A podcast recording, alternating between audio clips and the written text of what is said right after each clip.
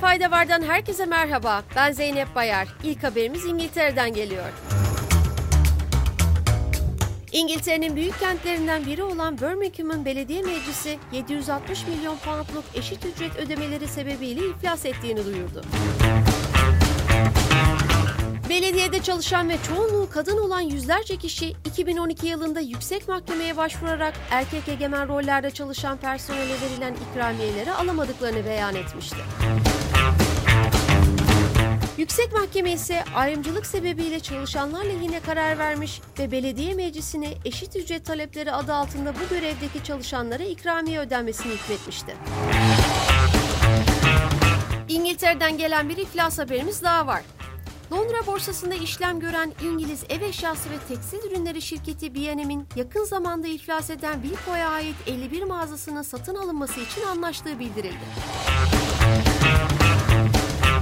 B&M'den yapılan açıklamada şirketin ülkenin en büyük perakende zincirlerinden Wilko'ya ait 51 mağazanın toplam 13 milyon sterline satın alınması için anlaştığı kaydedildi. İndirimde ev eşyaları, tekstil ve dekorasyon ürünleri satan B&M, Birleşik Krallık'taki 700 mağazasında yaklaşık 35 bin kişiye istihdam sağlıyor. Şirketin piyasa değeri ise yaklaşık 5 milyar sterlin seviyesinde. Ağustos ayında Birleşik Krallık'ta 700 mağaza ile 12 bin kişiye istihdam sağlayan Wilko, finansman bulamayınca iflasını ilan etmişti. Sırada Almanya'da elektrikli otomobil şarj istasyonlarının artırımına ilişkin bir haberimiz var. Almanya Başbakanı Olaf Scholz, Almanya'da kamuya açık elektrikli otomobil şarj istasyonu sayısını yeni bir düzenleme ile hızlıca artıracaklarını bildirdi. Scholz yaptığı açıklamada önümüzdeki haftalarda tüm petrol istasyonlarının %80'inin işletmecilerine elektrikli otomobiller için en az 150 kW'lık hızlı şarj seçenekleri sunmasını gerektirecek bir yasayı çıkaran Avrupa'daki ilk ülke olacağız dedi.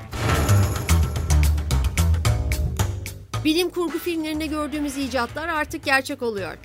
Amerika Birleşik Devletleri veri kaydedebilen akıllı tekstil ürünleri geliştirilmesi için 22 milyon dolarlık yatırım yaptı. Akıllı e-pantolon projesiyle üretilmeye çalışılacak kumaş hem veri kaydedebilecek hem de günlük kıyafetler gibi sorunsuz şekilde yıkanıp katlanabilecek.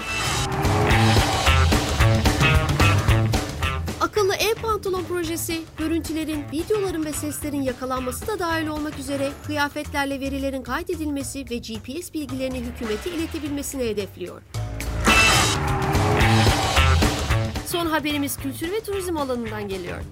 Hatırlayacağınız üzere UNESCO, Venedik'i tehlike altındaki dünya mirası alanları listesine eklemişti.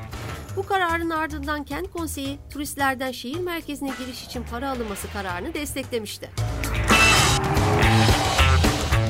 Karara göre Venedik gelecek yıl bahardan itibaren biletleme sistemini deneyecek ve günübirlik ziyaretçilerin İtalyan şehrinin tarihi merkezine giriş için 5 euro ücret ödemesi gerekecek. Uzun süredir tartışılan planın hala 12 Eylül'de toplanacak geniş belediye meclisi tarafından onaylanması gerekiyor. Bilmenizde fayda varın bugünkü bölümünün sonuna geldik. Yarın tekrar görüşmek üzere. Hoşçakalın.